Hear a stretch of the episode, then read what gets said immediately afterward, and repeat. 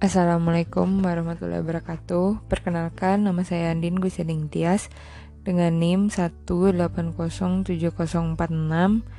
Di sini saya akan mengomentari berdasarkan hasil ringkasan buah pemikiran saya yang telah didapatkan dari presentasi kelompok 5 mengenai the innovation the decision process.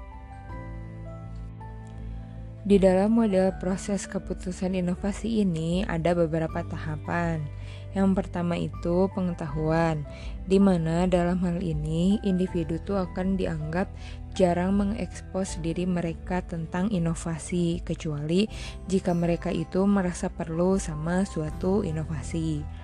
Terus yang kedua ada persuasi, di mana dalam hal ini proses pengambilan keputusan dari suatu inovasi ini, individu tuh bakalan membentuk suatu sikap yang menguntungkan atau tidak menguntungkan terhadap suatu inovasi.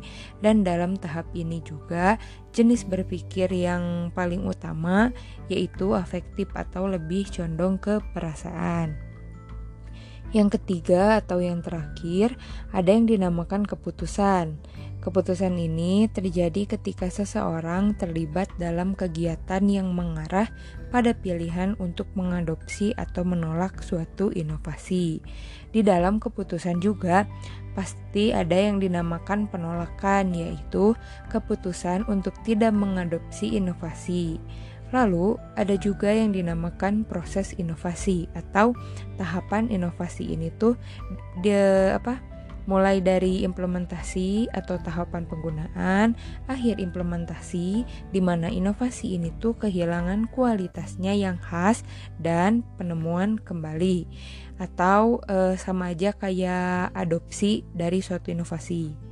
Dalam tahap konfirmasi, diperlukan adanya suatu tahapan untuk mencari penguatan atas keputusan inovasi yang telah dibuat melalui disonasi penghentian dari bukti empiris.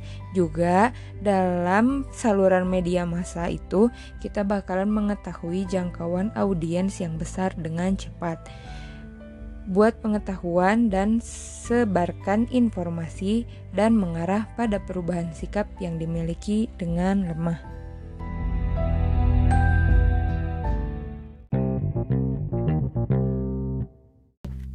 Jadi, berdasarkan apa yang telah saya dapatkan dari hasil presentasi kelompok 5, jadi saya mau nanya Nah, di dalam tahapan inovasi ini, yang pertama kan ada pengetahuan. Dalam pengetahuan ini kan dijelaskan juga kalau inovasi mungkin bakalan mengekspos dirinya jika inovasi ini dirasa perlu. Namun, kenyataannya setiap orang pasti memiliki tingkat kebutuhan yang berbeda. Nah, dalam inovasi pun kita mengenal kalau inovasi itu kan harus bersifat ekonomis, sedangkan jika hanya menguntungkan individu atau hanya menguntungkan uh, satu kelompok saja mungkin bakalan boros.